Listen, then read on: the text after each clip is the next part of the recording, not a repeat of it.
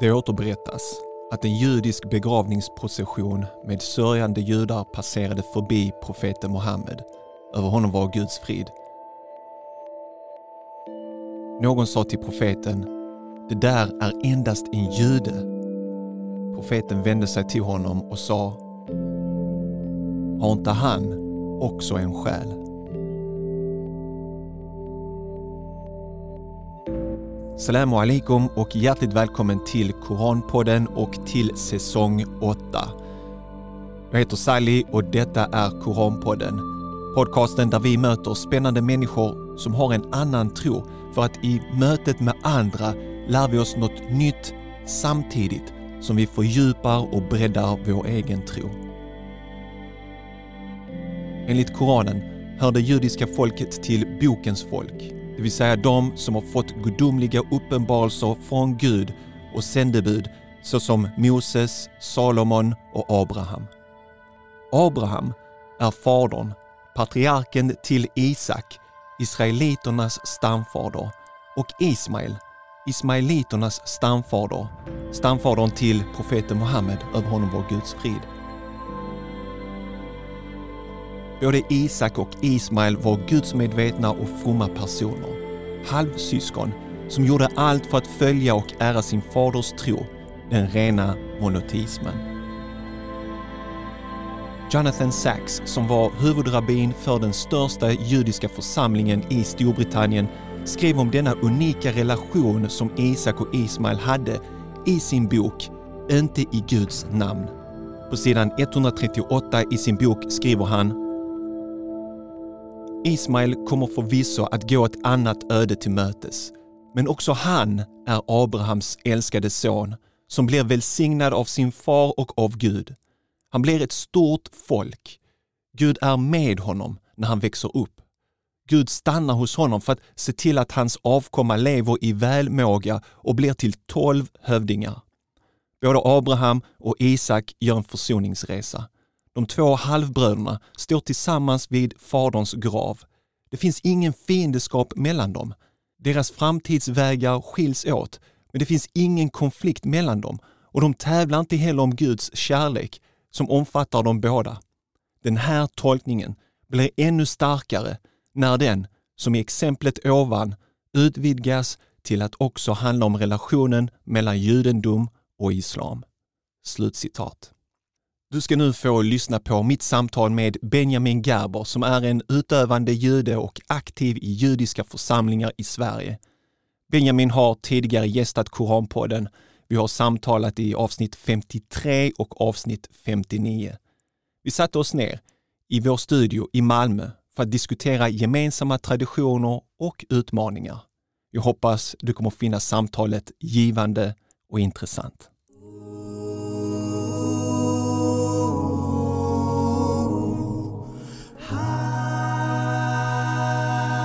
Välkomna eh, Benjamin Gerber återigen till Koranpodden. Det har varit alldeles för lång tid sedan vi gjorde ett poddavsnitt tillsammans. Ja, kul att vara tillbaka.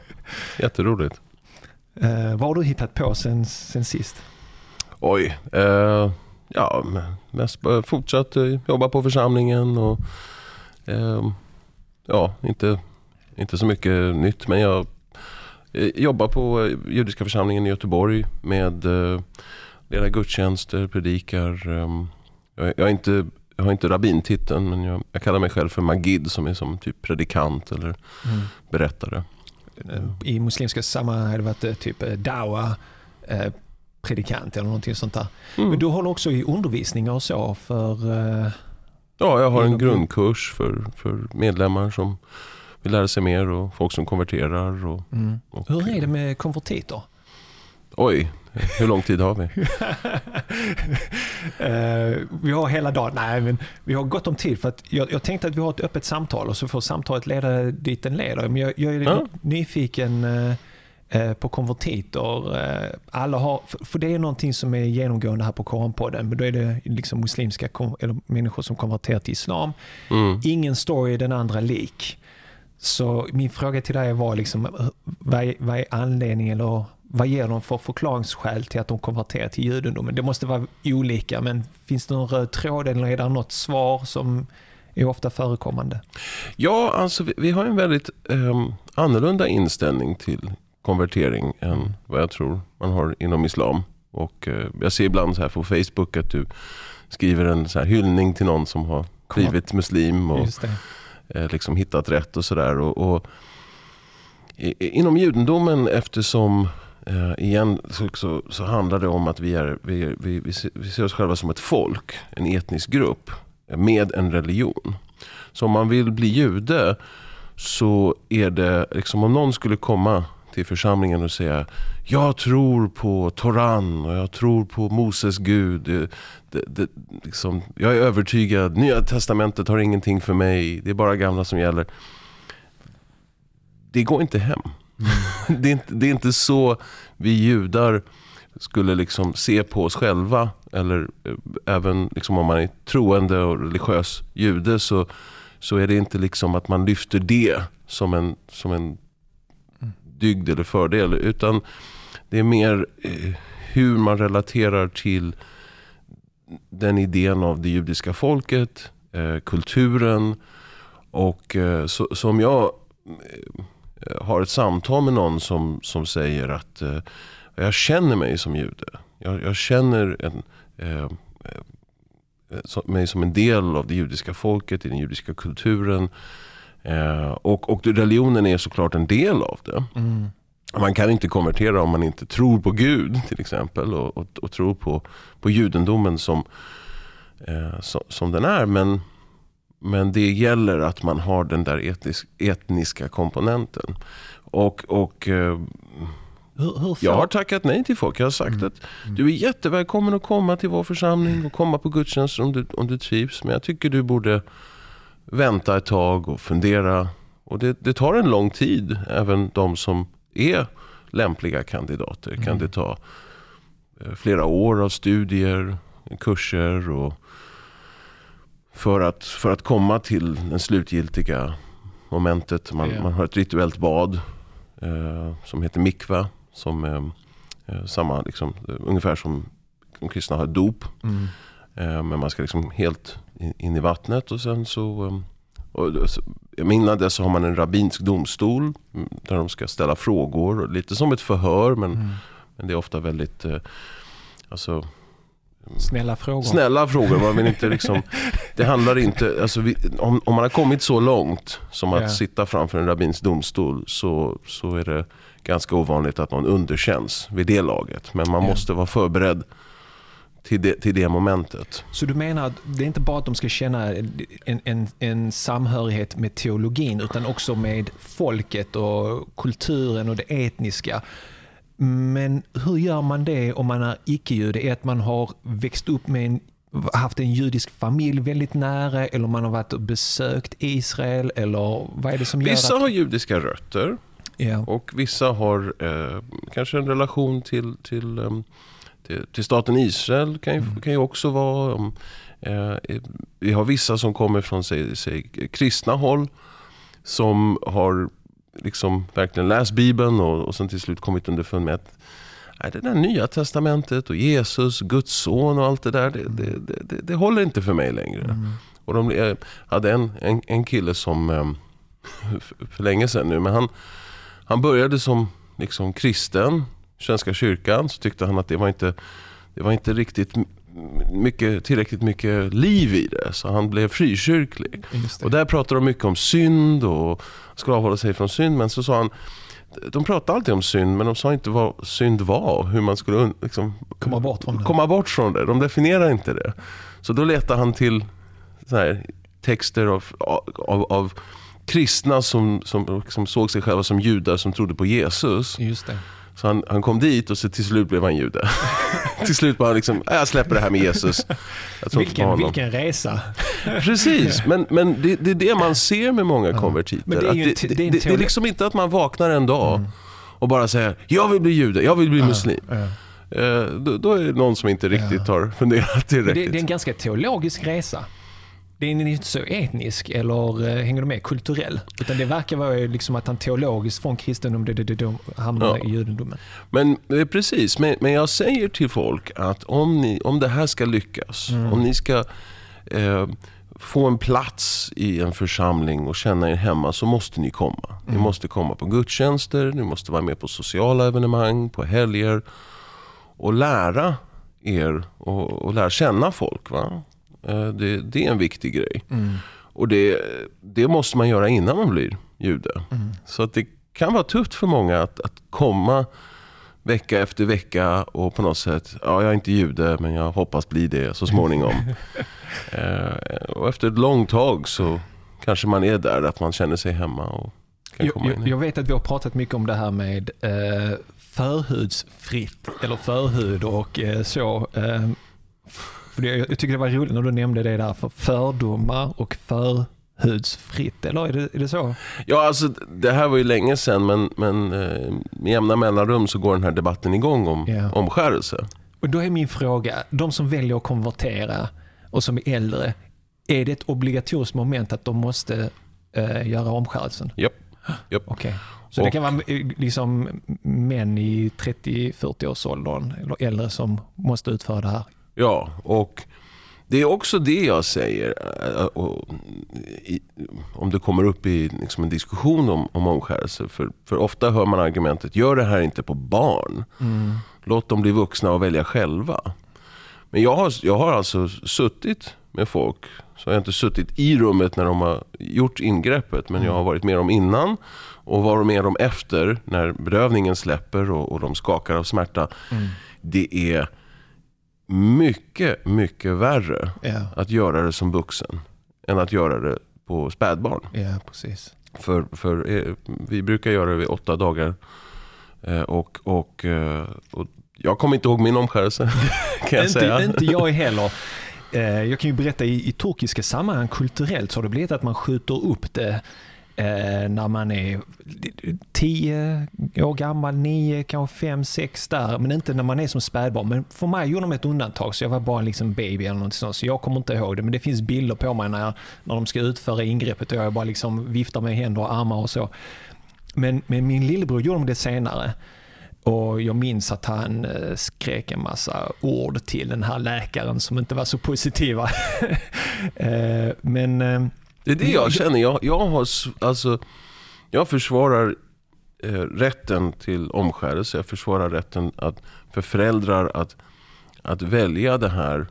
Om de, om de själva tror på det och vill göra det så är det viktigt för då kommer barnet uppfostras i den miljön och det kommer inte vara något konstigt. Eller, men om eh, föräldrar inte tror på det så, så, så skulle jag kanske råda att inte göra det. Jag tycker inte att man ska göra det emot vad man själv har för värderingar. Men, absolut. men, men eh, samtidigt så tycker jag att antingen gör det väldigt tidigt eller så vänta tills barnet är gammal nog, 12, 15, där man kan ha det där samtalet även fast det är jobbigt. För att om man inte gör det väldigt, väldigt ungt, jag skulle inte kunna föreställa mig att förklara för min fyraåring, att om jag hade en fyraårig son, att ja, nu ska vi göra det här på dig. Det, det, det, det är jättejobbigt. Ja, precis. Så, så, och det ska man inte hymla med. Det här är inte något, någon liksom bara, ah, vi gör det här imorgon och så tänker inte på det. Det är en, det är en grej. Det är mycket känslor med att vara förälder och ta hand om sina, sitt barn och sådär. Så därför är det viktigt att ehm, jag tror att man tänker lite extra på det och Ja. hur man gör det. Men jag, jag, jag tycker också, ska man göra det så ska man göra det tidigare. Jag är inte så imponerad av den här traditionen som uppstått i Turkiet. Um, att man gör det senare i, i åldern och man gör en stor kalas och festlighet av det. Utan ju tidigare desto bättre tänker jag. Um, men i islam, om det är någon som konverterar så är det inte ett obligatoriskt eh, moment. Det är frivilligt för en konvertit att göra det om man vill eller inte. Um, så jag, de konvertiter som jag känner till är det inte många som har gjort det. Där är några undan, något undantag, ett undantag känner jag till som har gjort en omskärelse. Men då undrar jag, ehm, vad är syftet i islam? Vad har det för funktion med omskärelse? Det är en jättebra fråga, men det är, det är en tradition enligt Abraham. Vi ser ju att vi är Ismails söner, kanske inte i bokstavlig, men i, i en andlig tradition. Så att Abraham gjorde detta och eh, blev tillsagd att göra det. Och vi gör det. Och jag tror inte uttryckligen att det förekommer i Koranen eller profeten Muhammeds uttalande, detta är anledningen. liksom. Um, men det står i Koranen att han, att han gjorde det, att man ska göra det. Men profeten säger det? Ja, ja absolut. Så det, det är nästan ett obligatoriskt moment uh, om man är född som muslim, att man gör det. Um, men det, det bästa svaret jag är härledas till en tradition av Abraham. Mm, mm. I, hur är det med i judiska sammanhang? Hur, hur ser ni på det? Sen, sen har man ju kopplat till, förlåt att jag avbröt Sen har man ju kopplat till det här med eh, jag vet att du har lite rötter i USA och så. Mm. Just det här med att, det är, att omskära är hygieniskt fördelaktigt. Det minskar spridning av könssjukdomar och så vidare. Att det finns en, liksom en medicinsk förklaringsfaktor till det här. Men det är ungefär som när man får frågan varför äter inte ni svin? Eller gris? det, står inte någonting uttryckligen i Koranen, ät inte gris därför att detta här, de här anledningarna. Utan i efterhand har man liksom kopplat, jo men det är inte eh, innehåller bakterier kanske och, så vidare. Det är inte världens bästa kött kanske eller, såna här grejer. Men för en muslim så är det liksom lydnad inför Gud. Vi vet att det här står i Koranen, så vi gör det som Gud säger vi behöver inte ha en förklaring till allting. Så vissa saker har Gud förklarat uttryckligen till, till anledning till varför man ska göra det. Ibland är det inte lika tydligt, men vi följer buden oavsett vad. Mm. Och där skulle jag säga att jag tycker det är en väldigt viktig principiell hållning, som du, ställningstagande som du, som du tar där. För att eh, Annars blandar man ihop korten tycker jag för mycket. Alltså att, eh, för, för, för om man börjar komma med, med säg, vetenskapliga eller medicinska eh, argument. För mm. vi, vi gör det här för att det är hygieniskt. Vi gör det här för, vi äter inte svinkött för att eh, en gång i tiden så fanns det trikiner eller mm. sådana saker. Men då, då, då, då, då eh, kommer ju liksom den andra sidan av myntet. är Ja, nu är ju svinkött eh, hygieniskt. Eh, då, då, det, det, är inget farligt att äta det, så, så nu äter jag det. Mm. Ja, men det, inte, det, det, var inte förbjudet på grund av det, så det kan inte bli tillåtet på grund av det heller. Mm. Och samma sak med omskärelse.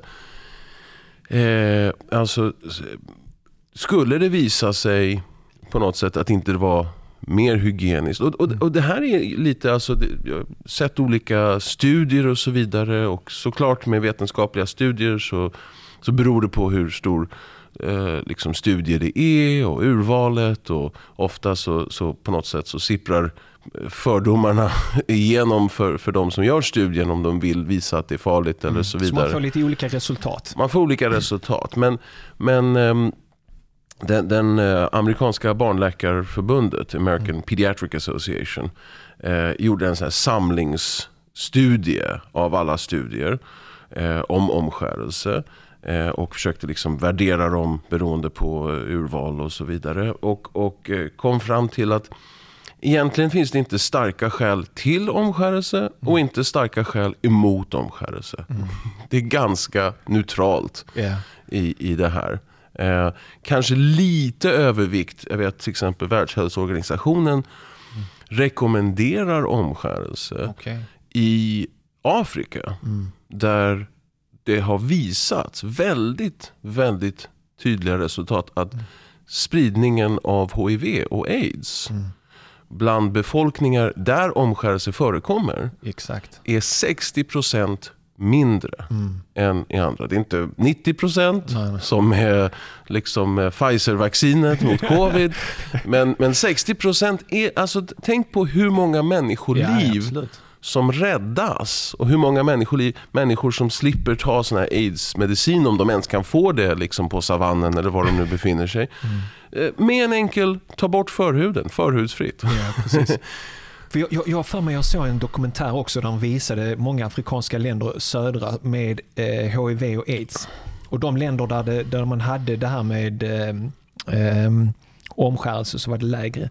Och det är olika stammar också. Och då, och då pratar vi igen, om, om det måste poängteras, det är jätteskillnad mellan den här eh, kvinnlig könsstympning mm. eh, där organet inte fungerar som det ska mm. och manlig omskärelse. Ja. Så vi kan bara liksom vi snackar inte om, varken inom islam eller inom judendom, så, så, så är det förekommer, alltså det, finns, det förekommer hos vissa muslimer, men Ja. det är inte islam det handlar om som jag förstår. Det, är liksom, det förekommer inte inom in religionen, utan det är kulturellt i vissa länder. Precis. Men på kvinnor. Men det, det är inte det vi snackar om.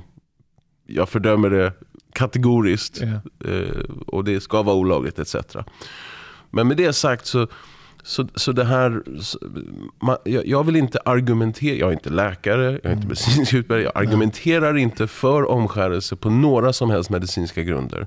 Men jag accepterar inte heller de som påstår att det skapar en massa sexuell dysfunktionalitet eller, eller eh, är, är skadligt för barnet eller, eller så. För det, det finns inte tillräckligt med bevis som skulle påpeka, eh, eh, peka på det heller. Mm. Men det som man oftast får höra från majoritetssamhället det är ju det här med att barnen ska, man ska låta barnen födas upp och växa upp neutrala och sen när de blir, når puberteten så ska de själva få välja en religion. Och det låter väldigt märkligt för att säga det till en förälder där religionen betyder allt med goda värderingar och så vidare. Det är naturligt att man som förälder vill överlämna de här värderingarna till sina barn. Det är precis som, inte precis samma, men ta en förälder som jag körde med bilen idag på morgonen så såg jag en fotbollsplan och så var där en pappa som lärde sin son att spela fotboll. Liksom. Det är klart att en pappa som brinner för fotboll vill träna upp sin, sin son en söndag förmiddag och passa bollen och sånt. Han, han värdesätter det, han vill överlämna det till sin son. För han ser samma sak, jag kan inte hålla min religion eller någon annan kan hålla sin religion för sig själv och uppfostra sitt barn neutralt så att de senare ska kunna välja en väg. Naturligtvis är det ju så att de får själva välja en väg längre fram men så länge det är min, min son eller min dotter så kommer jag att uppfostra dem som en muslim eller som en jude eller kristen eller buddhist eller whatever. Mm. Men jag, jag, hör det från sekulära ateister. Nej, och då, är, då kommer det här med omskärelse. För då har du liksom markerat dem för livet eller någonting i den stilen. Vad är dina tankar kring det? Uh, Först och främst, så, så, så precis som du säger, alltså det här idén om att det ska finnas någon sorts värdeneutralitet. Eh, och såklart är värdeneutraliteten det som de som förespråkar förbud står för. Jag är värdeneutral. Jag sätter inga värderingar på saker och ting. Nej. Nej, det gör du inte. Eh, jag tänker på en, det var någon vänsterpartist som kom med, med något förslag om att det skulle vara religions, eh, åldersgräns på religion. Okej. Så att innan 15 år så ska barnet inte exponeras för religion. Precis Okej. som de inte ska, liksom, man ska köpa ut alkohol åt dem eller något Just. sånt. Va? Och så tänkte jag på den här, ja, är du vänsterpartist och du förespråkar religions, eh, eller åldersgräns på religion. Ja. Eh, du berättar väl aldrig för dina barn om, om Marx och, och, och, och Eller- Lenin eller, eller arbetarrörelsen och, och klasskamp. Det, det håller du väl jättenoga ifrån dina barn så att du inte förgiftar dem med din ideologi, eller hur? Det finns Eh. ingen SSU eller eh, Nej, nej, nej. Vi ska inte, eller ingen sånt. röd flagga någonstans. Du är väl jättenoga, Aha. hoppas jag, som vänsterpartist, att hålla dina värderingar som inte är neutrala på något sätt. Hon är ju vänsterpartist för guds skull. Eh, inte, hon är inte för guds skull. Men, men bara liksom det här, ser de inte vad de själva argumenterar för? Mm. Och neutralitet i sig kan man ju fråga, vad, vad är neutralitet? Jag menar, jag tänker, Sverige har ju varit så stolt över sin neutrala eh, eh, politiska ställning i världen. Nu kanske det förändras i och med NATO, vem vet. Men, Ja. men på något sätt, man tänker efter. Sverige var neutralt under andra världskriget. Så Inom då, citattecken. inom citattecken, för det finns ju många saker som Man kan peka på. Precis, exakt. Men på något sätt, och, och om Sverige skulle förhålla sig neutralt sig till Ukraina-kriget idag, Mm. så säger man, ja vi kan ju inte, eh, och, att vara neutral, det är att säga att vi tar inte ställning. Precis. Så å ena sidan så ser vi eh, Putin och Ryssland och vad de gör mot ukrainarna. Å andra sidan ukrainska flyktingar som kommer hit. Så ska vi säga till dem, nej vi, vi, vi är över det där. Vi, står, vi, vi, vi gör inte någon bedömning över alla människor som har våldtagits och slaktats och, och, och lämnats döda i, i flera veckor. Det, det, det, det ska vi inte vi röra i. Vi, vi håller oss från de där bedömningarna. Vi är neutrala. För det är det som Sverige gjorde officiellt under andra världskriget. Ja, precis. Ja, Auschwitz och, och eh, Förintelsen och, och eh, folkmord och allt det där. Nej, vi tar inte ställning. Vi, vi, vi ska inte gå in och tycka att vi vet bättre. Men själva neutraliteten är vi vet bättre. Ja, precis. Vi är neutrala. Så, så, så, så nu pratar vi inte politik här, det är inte meningen, men, men på något sätt. Att vara neutral Mm, är att ta ställning precis. för att man inte har några värderingar på något sätt egentligen. Och det, det är det som jag menar är att majoritetssamhället blir kulturellt hemmablinda. Och det är där jag, jag, jag ser styrkan med minoriteter. Att man kan se sådant som andra tar för. Men det här är neutralt. Svenska flaggan är neutral. Allt liksom, vi är neutrala. Men nej, det är ni inte. Ni är hemmablinda. Ni tror att hela världen ser ut på det sättet. Men det gör den inte. Ja. Och det är inget fel med svenska flaggan, men det finns ett jättestort kors i mitten av den. Och det har ett budskap, liksom, eller hur? Ja. Så. Och den finns där för att Sverige var länge ett exklusivt kristet land. Ja, precis. Titta på historien. Det är liksom... Jag är inte för att ändra historien, jag är för att folk ska lära sig av sin historia. Ja, precis. Och förstå den och hur den spelar in i våra dagar också. Mm. Men när man säger det här med att, att, att eh, elever eller barn ska inte exponeras av religion tills de är 15 eller de ska få fritt välja senare, föräldrarna ska inte blanda sig i så mycket. Latent i det budskapet ligger ju att det är något farligt med religionen. Det är inte någonting positivt, så därför ska de inte exponeras som unga, utan det ska de få göra senare. Ungefär, jag tycker om det, parallellen du drog till alkoholen. Liksom. Nej, nej, det här är förbjudet, men när du är vid den åldern så kan du köpa din egen alkohol och skada din egen kropp eller vad du nu ska göra. Ehm, väldigt, väldigt konstigt. Ja, absolut. Och, och, och, och då tänker jag att ja, jag menar inte att man borde omskära eller inte borde omskära. Men det här är någonting som, som är, är väldigt stark värdering hos väldigt många judar. Att omskära våra söner på den åttonde dagen, om det går. Om hälsan går före, som om barnet inte är fullt frisk och så vidare, så kan man skjuta på det. Men det är ett tecken, för att gå tillbaka till som det du sa, det är också från Abraham. Och man kan kolla upp eh, första Moseboken kapitel 17 om man vill läsa hur det uttrycks där. Eh, det är ett tecken på förbundet mellan Gud och det judiska folket som slöts med Abraham.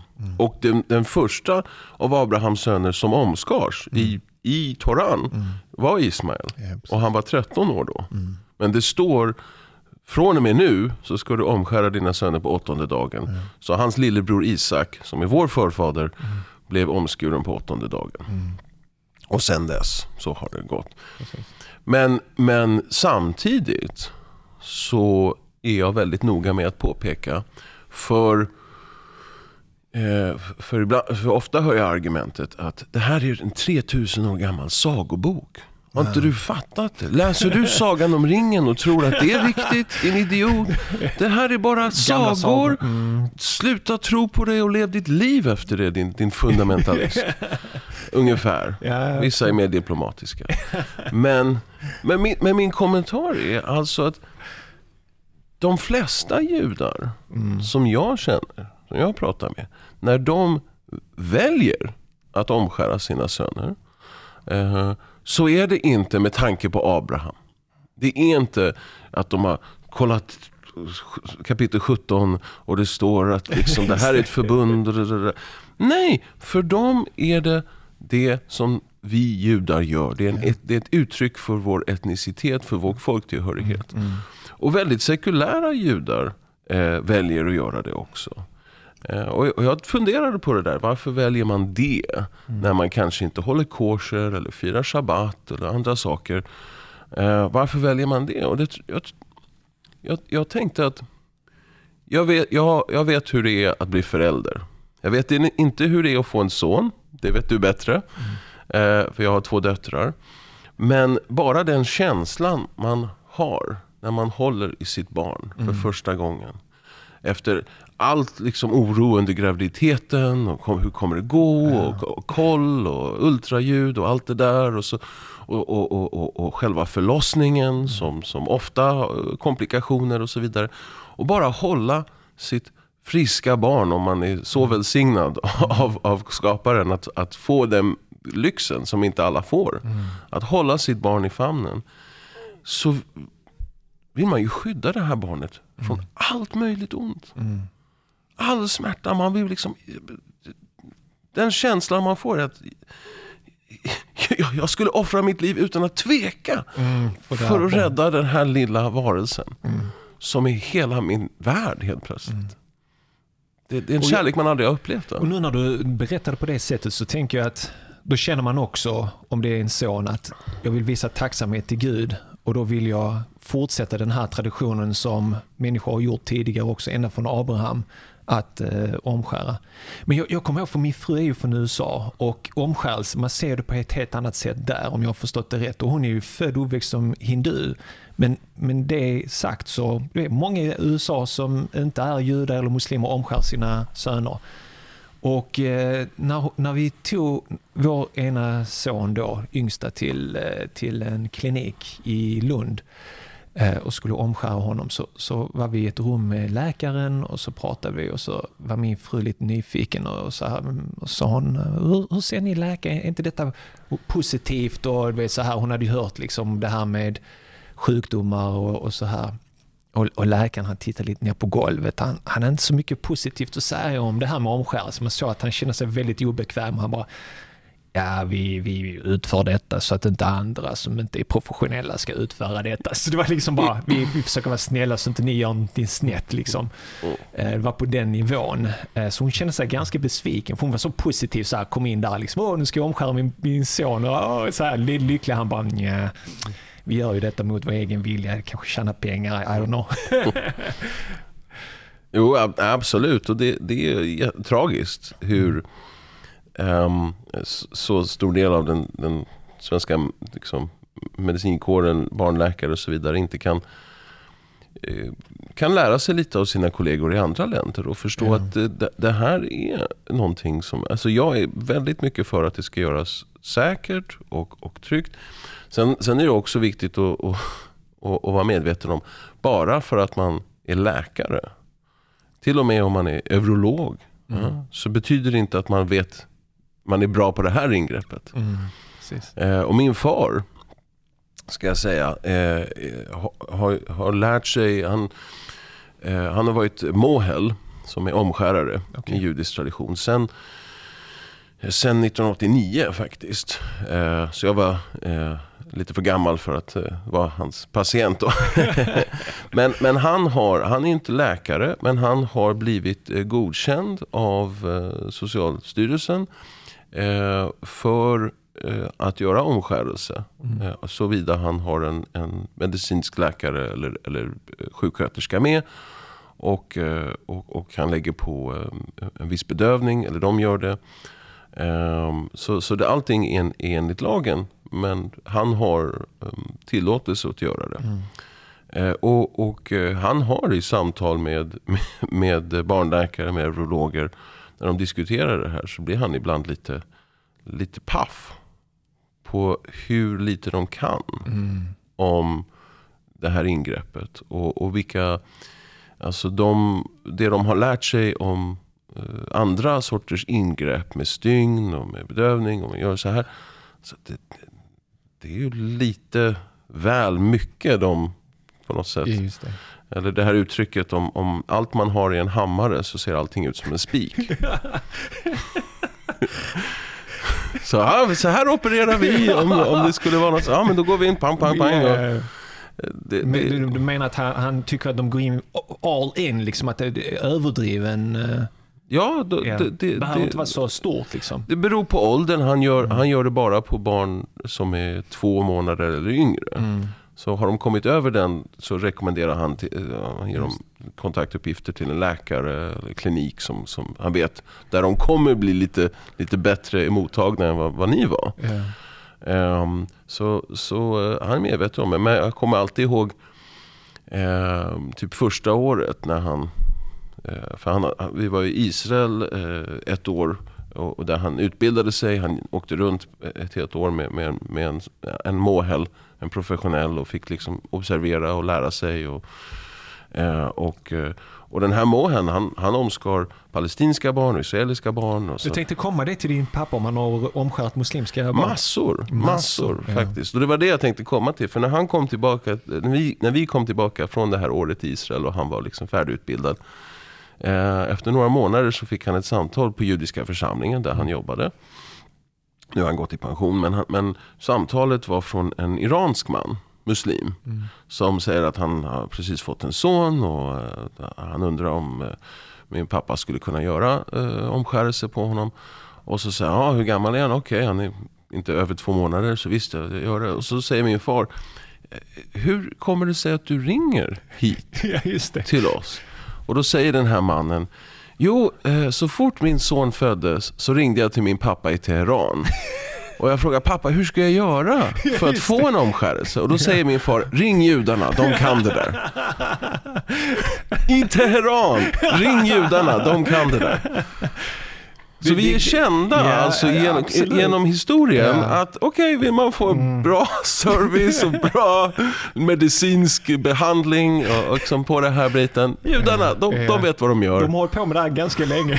ja, precis. Så, eh, ja, så det, det var ju... För jag, jag, jag, har hört också från vänner, liksom, för det här har varit en utmaning för muslimer. Hur ska vi få till det här? Och, vem har, eh, liksom, och då har det varit tanke om, om man skulle kunna askultera en som har den här eh, intyget och utbilda muslimska sådana från judiska. Så det, Han har till och med liksom- gjort på, på um, nigerianer. Mm. Som, uh, det finns en viss stam, Ibo, Igbo-stammen som, som utförde. Och han har gjort på... Uh, och de är inte muslimer då?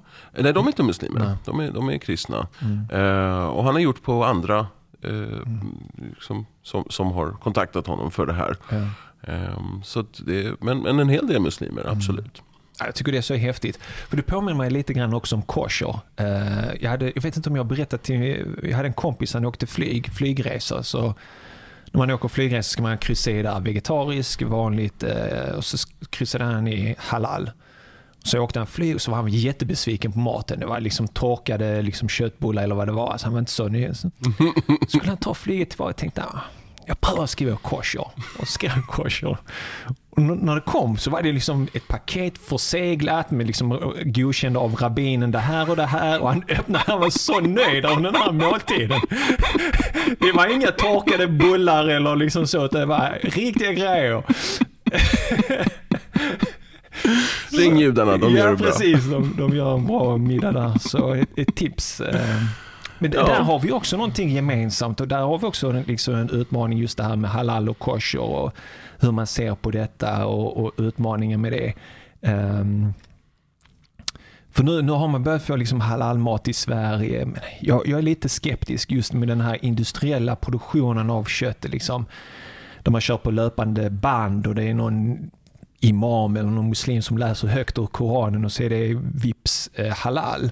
Men när man läser skrifterna så, så, så, är det ju helt annorlunda. Det är liksom ett djur, man ska lägga ner djuret, den ska inte kunna se kniven och så vidare.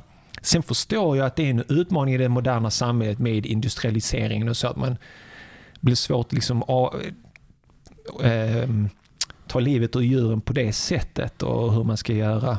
Um, men i, i, i Danmark är det tillåtet med kosher, eller?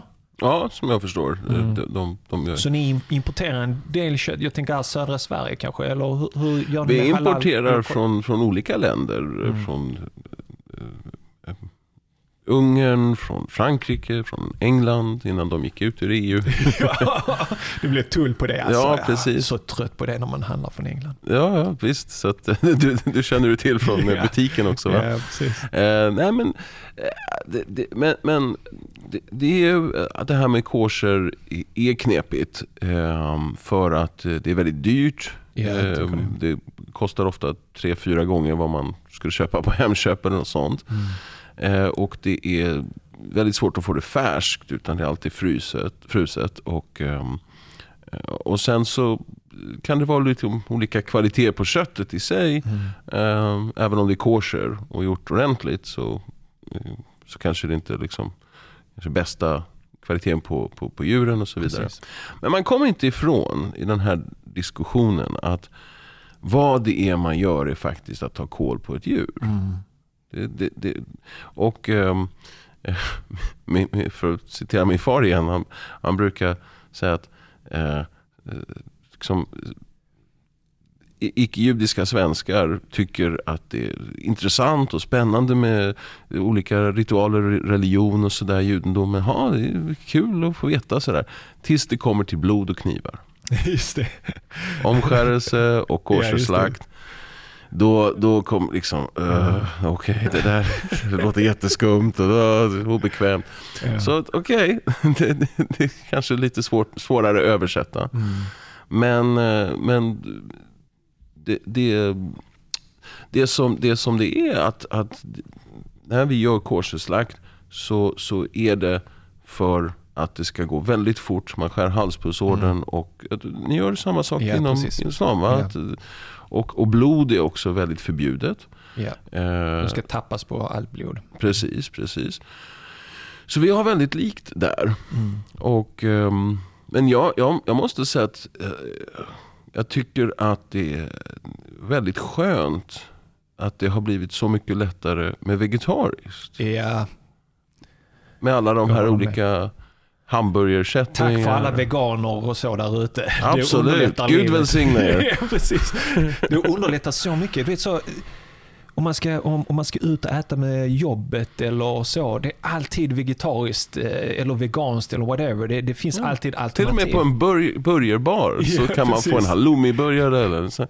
Det, det, det, det är så mycket lättare. Och, Ja. och, och, och sen tycker jag alltså egentligen, jag, jag äter kött, tycker det är jättegott. Mm. Men jag är medveten om det både miljömässigt eh, problematiskt och eh, etiskt. Jag menar, Mm. på något sätt, om jag, om jag kan leva utan att äta eh, köttet av ett, ett djur som en gång har levat, som är en av Guds skapelser. Mm. Borde jag inte göra det? Mm. Borde jag inte välja bort det lite mer i alla fall? Ja. Så det, det är också sådana tankar. Jag kan, har inte tagit helt klart tydlig ställning men, Nej, men bara jag- för att det är så dyrt så blir det ju mindre kött och så. Precis, men, nej, men jag håller med dig eftersom min fru då eh, har en eh, hinduisk bakgrund så när hon konverterar till islam så även om hon konverterar så klarar hon inte av kött. Hon kan inte äta det, det bara går emot henne för att hon åt aldrig kött som hindu. Eh, Så när vi är ute på restauranger och äter och så, så blir det ju att hon beställer mycket vegetariskt och då gör jag det också. Och hemma lika så liksom. Det är inte naturligt för henne att ta fram en liksom limpa kött och stycka upp och sånt. Hon blir äcklad av det. Ehm, Så, så jag, jag, jag, jag är jätteglad att jag har fått upptäcka den vegetariska kosten mer och mer. Ehm, Det är, det är överskattat det där med kött. Det ska vara kött i allting. Och det är, Hur vanligt är det med vegetarianismen inom islam?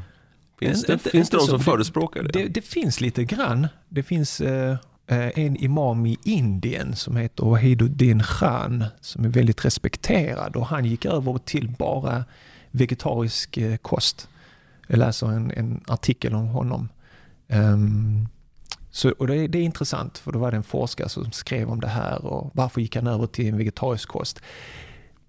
Det är ju en inf- påverkan av det hinduiska samhället och så på, på ett eller annat sätt. Men han argumenterar för det utifrån sin egen tro som muslim. Lärd, respekterad i många muslimska länder och så vidare.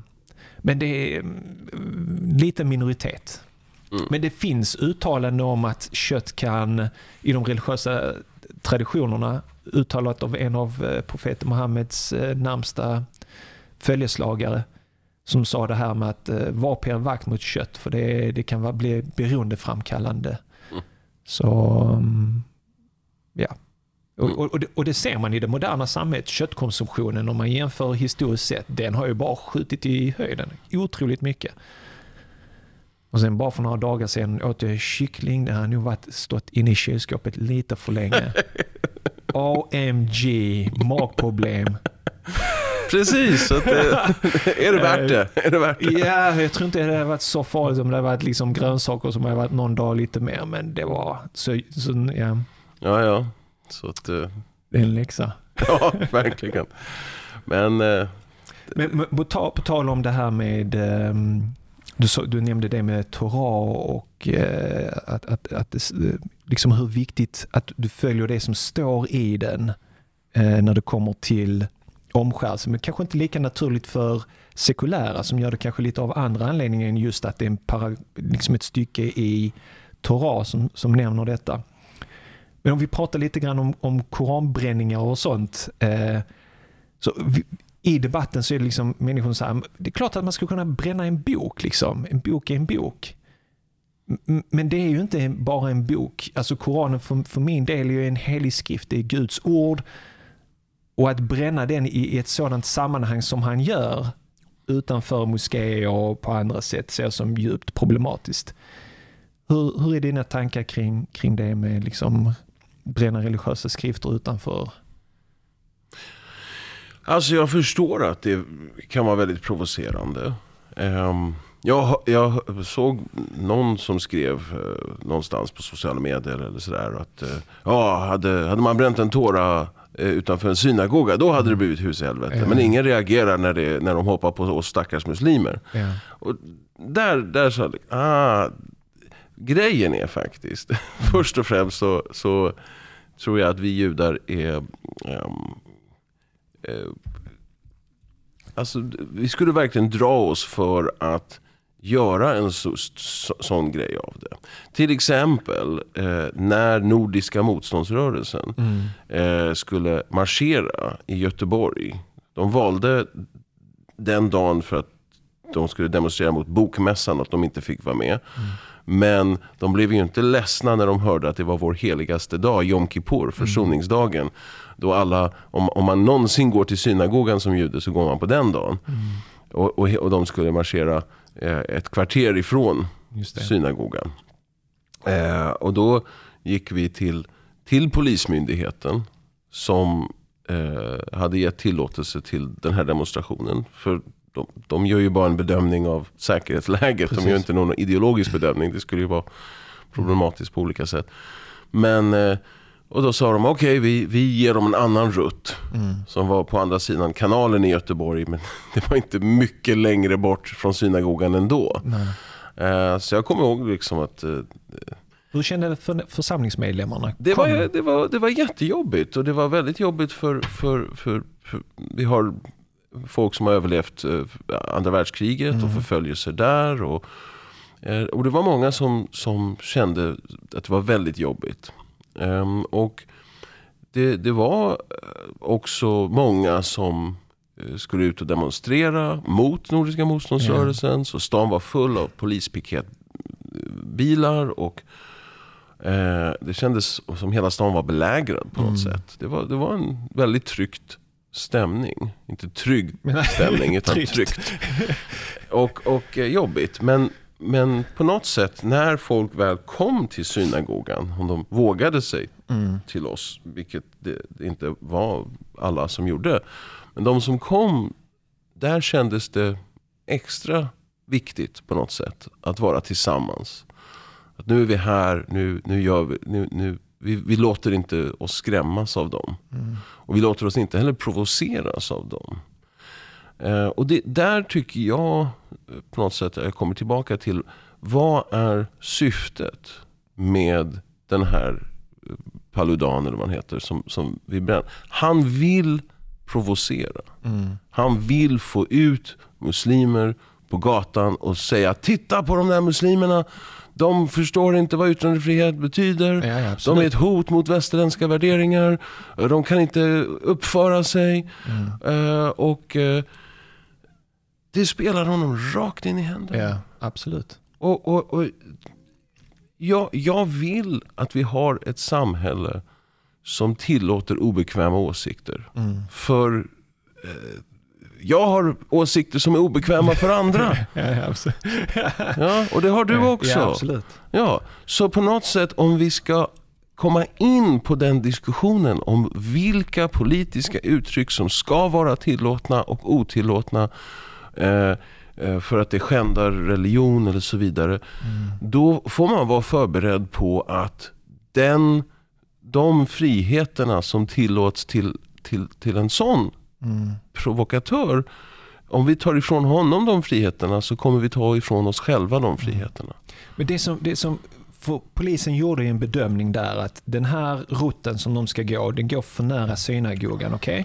Så då får de ta en, en, en annan rutt för att upprätthålla säkerheten. Men hur gjorde polisen bedömningen mitt under Ramadan, förorterna, eh, bränna Koranen där ute.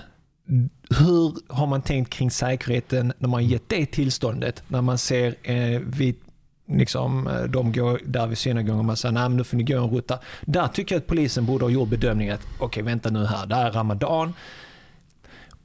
Ja, han är provokatör, men han är inte bara provokatör, han är nazist. Mm. Han har dömts för hets mot folkgrupp, det är Ramadan, han ska gå in och bränna Koranen. Det är en politisk handling i ett sånt onäckliga. område. Och då, då tänker jag, ja han får lov att bränna Koranen men inte i det området. Då får han göra det ute någonstans där vi kan upprätthålla säkerheten. Hänger du med? Ja, man, man, man kan argumentera det. Jag undrar om, fanns det muslimska um, representanter ja. som överklagade till polisen och sa, förstår ni vad, vad, vad, vilken situation ni sätter oss i? Mm. För, för alltså i, i byråkrat-Sverige så är det den vägen man ska gå. Ja. Man ska ta en överklagan och argumentera på juridiska grunder att det här är oklokt. Men att säga våra värderingar hotas mm. av att han, eh, vi blir kränkta. Mm. Det är inte ett juridiskt argument. Nej, nej, nej, det är sant. Det, det, det, ty, tyvärr, det, vi, vi, måste spela efter de spelregler som vi har här. Mm. Och det riktades väldigt mycket kritik mot polisen. Alltså både av muslimer och även andra som tyckte att eh, vad är det som gav dem rätt att ge det tillståndet? För det är de, de som gav det här tillståndet. Uppenbarligen så, hade man, så kunde man inte upprätthålla säkerheten. Man var underbemannad, eh, det var fler motdemonstranter än vad man själva var och man hade inte beräknat den ilska som fanns i det här. För att jag tänker också att man måste se detta i en större kontext. Eh, I en tilltagande islamofobi, utanförskap. Att då komma till, till området och bränna det som är det allra heligaste i, i syfte att förnedra någonting som andra håller värdefullt. Ehm, det är oklokt. Sen vad han gör privat, det är en annan sak. Eller han gör i ett annat sammanhang. Jag tror inte han är intresserad av att bränna Koranen privat. Nej. På sin bakgård, liksom, där ingen ser. Poängen är att ni ska se det. Ni ska få höra från honom vad han tycker om er. Det är ju och, hans mål. Och vi går i hans fälla, absolut. Och, och det, det, var det en av sakerna som jag skrev på Facebook. Jag vet att inte folk kommer att lyssna på mig ändå. Men jag, jag skrev liksom att nu kommer han, gå inte dit. För att det är väldigt provocerande och det är vet, så här för att dagligen får man uppleva rasism, islamofobi i samhället och sen så ser man någon. Alltså från som, polisen? Från polisen och från andra. Men jag, jag tänker på det här att, du vet, tänk dig att du är en förortskille, du blir diskriminerad, din framtids, eh, framtid är du vet, gängkriminalitet eh, och, och det här. Och sen så så kommer, du, så kommer den här personen till ditt område med polisbeskydd och bränner det. Och inte bara bränner utan han skriker en massa förolämpningar. Ni ska få åka hem och jag vet inte vad han säger. Liksom. Under polisbeskydd. Och polisen kan inte reda ut olika mord som sker på ungdomar och så vidare. För man känner att man inte lägger ner för mycket resurser. Men helt plötsligt kan han få världens resurser. Liksom. Det är alla de där sakerna som gör att, att det brister för många, att det blir så laddat, tänker jag. Jag, jag förstår de känslorna. Um, men, men om du frågar mig vad jag tycker, så är det liksom att känslor är känsliga, om man vill säga mm. så. Alltså, vi, vi, blir provocerade. Hans poäng är att provocera människor, mm. att, att kränka, att såra. Eh, och han utnyttjar ju yttrandefriheten till det. Ja, precis. Eh, men då tänker jag att istället för att spela honom i händerna mm. och på något sätt bekräfta hans fördomar. Eh, för, för, han har ju liksom, det, det, det är ju hans mål. Mm. Att jag menar, ha någon sorts liksom, icke-våldsprotest där man står där och, och, och läser koranverser, man ber. Liksom, att Ja. man, man, man har sin egen manifestation, demonstration för fred, för liksom, svenska muslimer i liksom, eh, eh, hitta några andra sätt att uttrycka sitt Ja. missnöje. Och sen hjälpa också de här ungdomarna att rikta sin energi och sin, och sin upprördhet på något sätt till det här. För, för att, att, att inte adressera vad som provocerar dem. Eh, och, och att de, de tar de här sakerna som en, som en, liksom, en anledning eller en, den här provokationen. Liksom. Ah, men då ska vi ut och vi ska Förstöra vi, vi, saker och ting och vi, ska, vi ska bränna polisbilar för, för den där jävla polisbilen har stoppat mig varenda gång den passerar mig. utan att jag har gjort någonting misstänkt. Ja, Okej, om de ser mig som en brottsling då ska de få veta liksom, hur, jag, hur jag agerar i så fall. Eller något sånt. Alltså, på något sätt så eh, man måste tänka två steg längre. Mm. Och, och, och det, vad, vad som skulle kunna bli om man skulle kunna få till en sån där manifestation. Det är att hans provokation leder till att folk blir mer imponerade av hur fredlig islam är. Och hur, hur muslimer faktiskt svarar på provokation. Istället för att spela in, att, att, att, att agera precis som vissa misstänker att muslimska ungdomar kommer att agera. Det, det, det är liksom... Jag, jag skriver under på det helt och hållet. Alltså, eh, där... Jag säger inte att det är lätt. Nej, nej, nej, Det är lätt för mig att sitta här Ja, och ja, säga precis. det. Nej, men det, du vet så rent teologiskt, islamiskt och så vidare. Upploppen och förstörelsen går ju helt emot vår tro och vårt sätt att vara och så vidare. Och Allah, Gud, Ja, världens skapare, Ja. universums härskare påverkas av att en bok blir bränd. Ja. Även om det är Guds ord, även om den är helig och viktig för Nej, människor. han, han skadar inte religionen eller Gud på något sätt.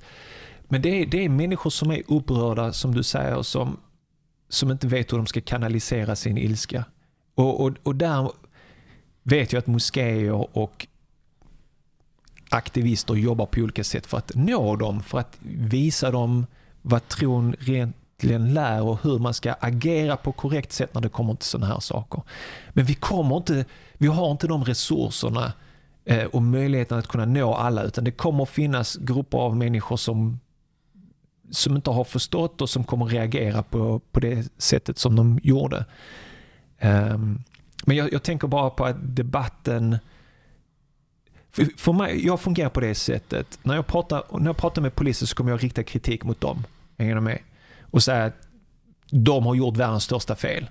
Men om jag sen träffar muslimer från förorten som kanske har varit involverade i det här, då kommer jag bara prata om dem. Jag kommer inte prata om polisen eller någon annan. Förstår du vad jag menar? Jag försöker rikta min kritik mot, mot alla. Jag ser att många har gjort fel här. Jag tror efter diskussionerna, samtalet efter detta har ju varit, som Eva Busch Thor sa, liksom att polisen borde ha skjutit skarpt och det här är islamister och det här är yttrandefrihet. Alltså jag tycker att debatten har vi- vilat mycket åt det och att nu pratar ju politiker om att man ska införa hårdare straff, att det finns normer och värderingar ute i förorterna som inte stämmer med majoritetssamhället. Så att, eh, ehm, Det är djupt problematiskt. Ja, ja. Det är djupt problematiskt. Men eh, eh, det, det, det är just därför jag tänker liksom att vi behöver hitta ett bättre svar på sådana här provokatörer. Ja. Vi behöver eh, verkligen fundera på, för de, de tänker ju, alltså han planerade ju det här ja. väldigt långt i förväg. Han, han visste vad han ville uppnå, han visste hur han skulle uppnå det. Och eh, han lyckades i mångt och mycket. Ja. Att få politiker att diskutera sådana här saker Ja. var ju precis det han ville. Eh, Exakt. Så han bara gnuggar sig i händerna och skrattar gott. Liksom. Eh, Och planerar sitt nästa liksom, upptåg. Eh, Och det, det är jätteproblematiskt. Men man kommer inte få bukt med honom genom att förbjuda honom. Ja. Tyvärr. jag, jag skulle önska att det var så. Och, och när han faktiskt förespråkar våld mot muslimer, hets mot folkgrupp, då ska han åtalas. Precis. Vi har lagar på det. Men det, det Men är, är, inte, är inte att bränna en helig skrift på det sättet han gör och det han säger där, hets mot folkgrupp. Det är det som, som många muslimer tycker att där har han gått över gränsen. det, det, jag förstår att man kan uppleva det. För jag menar, det som förenar muslimer är Koranen. Eller hur? Absolut. Profetens ord, Guds ord.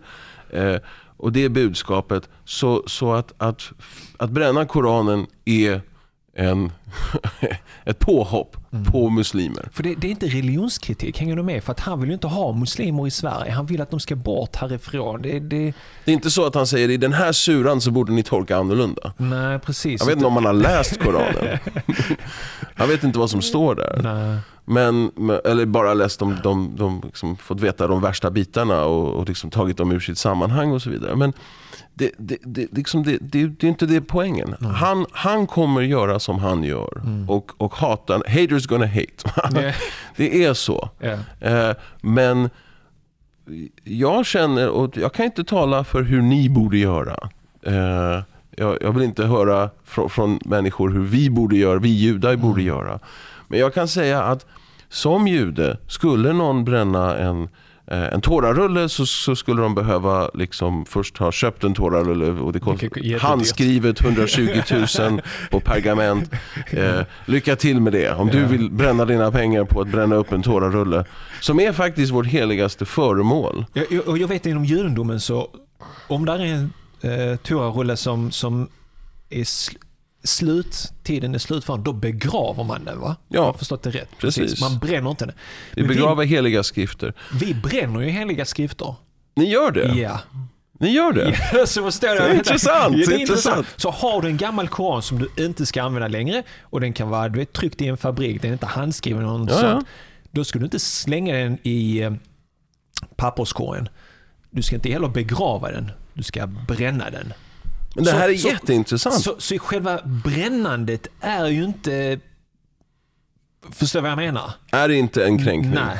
Men, men, Men syftet för... syftet och hans syfte och mening med det. Liksom, för jag drar paralleller till bokbål. Jag drar paralleller till nazisternas bokbål. Absolut. Men Men där, om, där, om... där, man, där man bränner människor, bränner man sen till slut också människor. Ja, och idéer. Och Ja. jag tror det här är också viktigt för att eh, samtal Mm. och, och utbyte av idéer, det är det första som despoter, eh, som människor som vill förtrycka andra människor går åt. Mm. För att när människor kan träffas och utbyta idéer och kritik och tänk, tankar om saker och ting, det är då utveckling sker. Det är då vi kan eh, förändra samhället till det bättre ofta.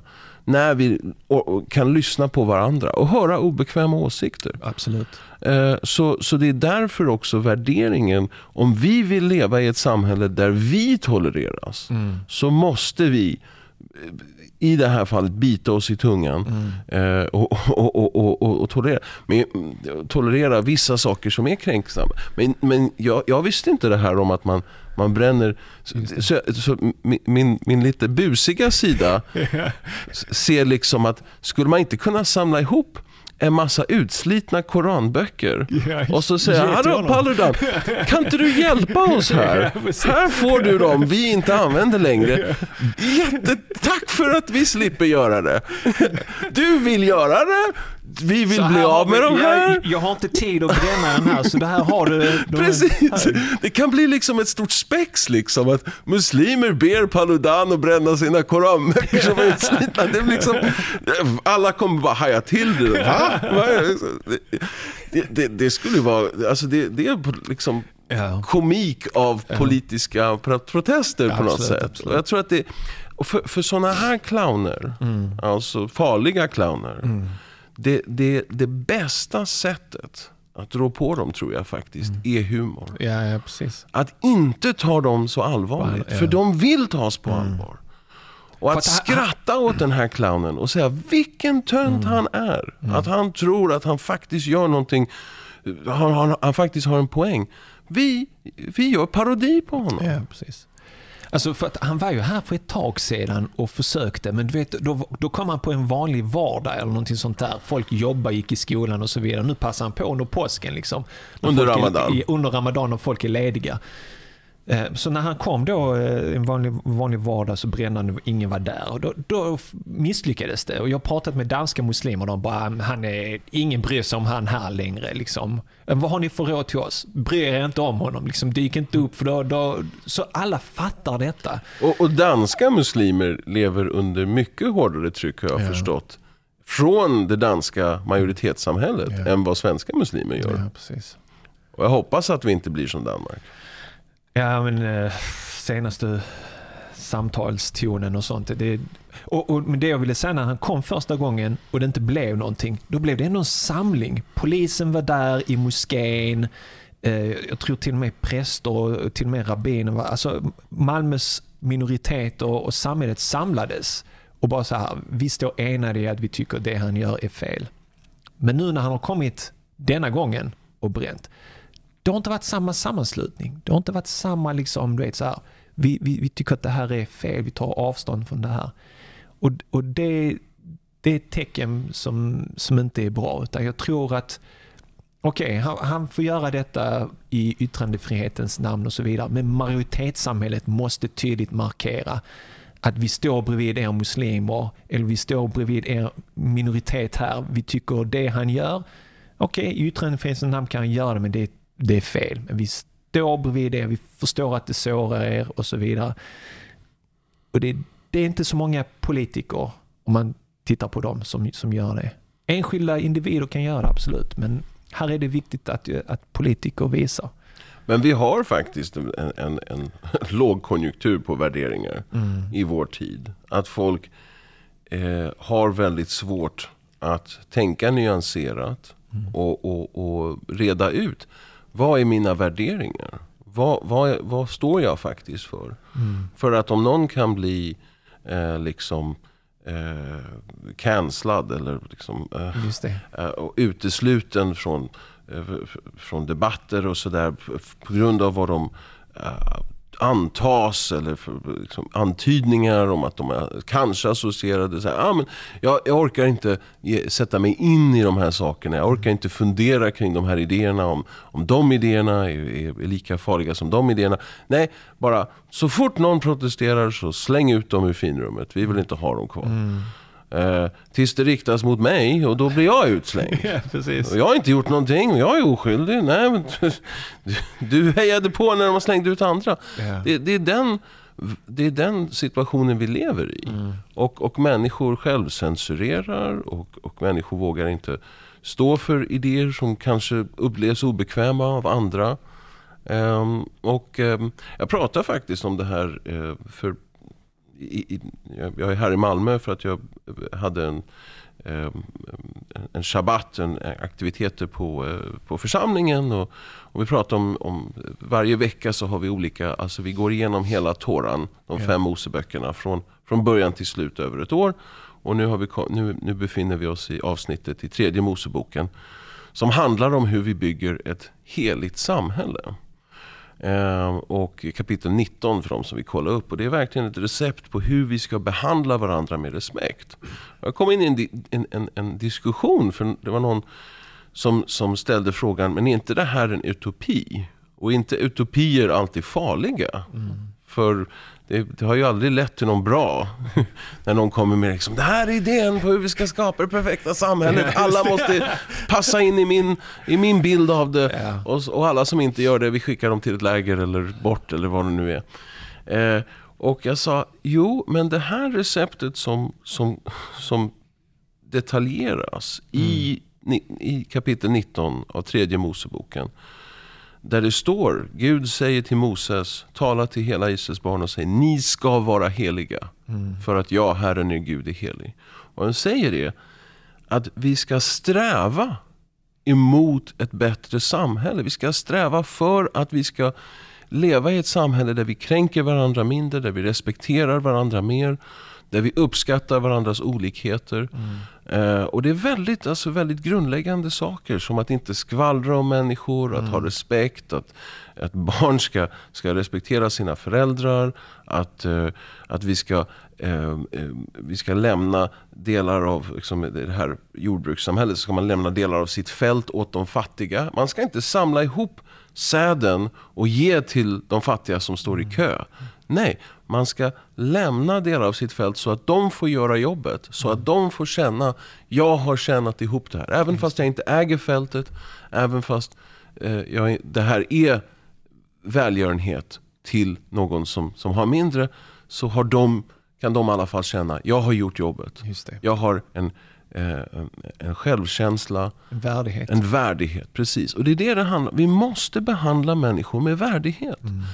Och, och, det, och, och, och, det är precis motsatsen till de flesta utopierna. Mm. För det, då säger det, det här är vad jag vill se och jag ska tvinga mina idéer på dig så att du gör precis som jag vill så får vi det perfekta samhället. Det. Om det är kommunism eller islamism eller någon kristen idé om Fascism. allting ska vara, eller fascism, nazism, allting ska vara precis som jag vill. Eh, och, och jag kommer tvinga in dig i det här. Det här är precis tvärtom. Här säger vi, hur kan jag agera med mer, behandla dig med mer värdighet? Hur kan jag bjuda in dig med, även fast du tycker annorlunda, fast du kanske är jobbig att ha att göra med och, och så vidare. Men jag måste, jag måste behandla dig med mer värdighet. Det, det är till mig det riktas. Och, och, och du förhoppningsvis tar samma inställning när du, behandlar, när, du, när du behandlar mig, när du möter mig. Med värdighet, med respekt. Mm, Även fast vi är annorlunda. Ja. Och det är, tycker jag, ett recept på ett heligare samhälle. Det är ett sånt samhälle jag skulle vilja se. Och, och kan vi skapa en sån utopi? det, vi, och det det, vi är långt ifrån det.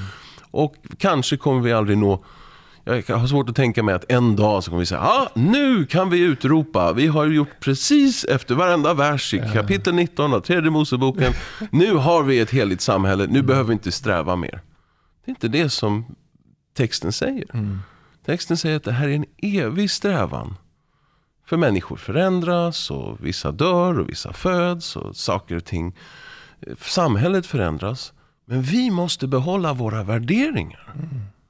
Det är det vi måste hålla fast vid. Vad tror vi på? Och, och, och, och kan vi ha fokus på det, då kan vi faktiskt möta de flesta utmaningar. Mm. Jag tycker det får bli de sista orden här på podden faktiskt. För att eh, just det här att möta människor av en annan tro, en annan övertygelse som är fast förankrad i sina värderingar. Ändå möta, man har olika uppfattningar, ändå kunna leva tillsammans och ha ett samtal är så viktigt. För det är så lätt att hamna med sina egna vänner och eh, klappa varandra på, på ryggen och så. Men att just möta, sträcka, sig, sträcka en hand över gränsen, titta på den andra människan är så otroligt viktigt. Så det får bli de sista orden för denna gången. Återigen eh, Benjamin, alltid lika trevligt. Man får sig alltid ett gott skratt och kloka tankar att eh, ta med sig. Tack så jättemycket Sally. Tack. Och fortsätt eh, ditt underbara jobb med, med den här podden och att nå ut med ditt kärleksbudskap. Tack så mycket. Ha det bra. Hej. Tack för att du lyssnade på mitt samtal tillsammans med Benjamin Gerber. Det som jag speciellt tar med mig från mitt samtal med Benjamin är att det finns så mycket vi kan lära av varandra om vi bara möts i en anda av respekt och nyfikenhet. Om du fann samtalet med Benjamin lika inspirerande som jag gjorde skulle jag uppskatta om du delade samtalet med andra som är intresserade av judisk-muslimsk dialog. Skicka ett mail eller ett sms med direktlänken till samtalet koranpodden.se 226. Nästa veckas avsnitt är ett sjukt spännande samtal om sci-fi-boken och numera även filmen. Jag tänker på Frank Herberts Dune. Vinnaren av Hugo Award och Nebula Award. En riktig sci-fi klassiker.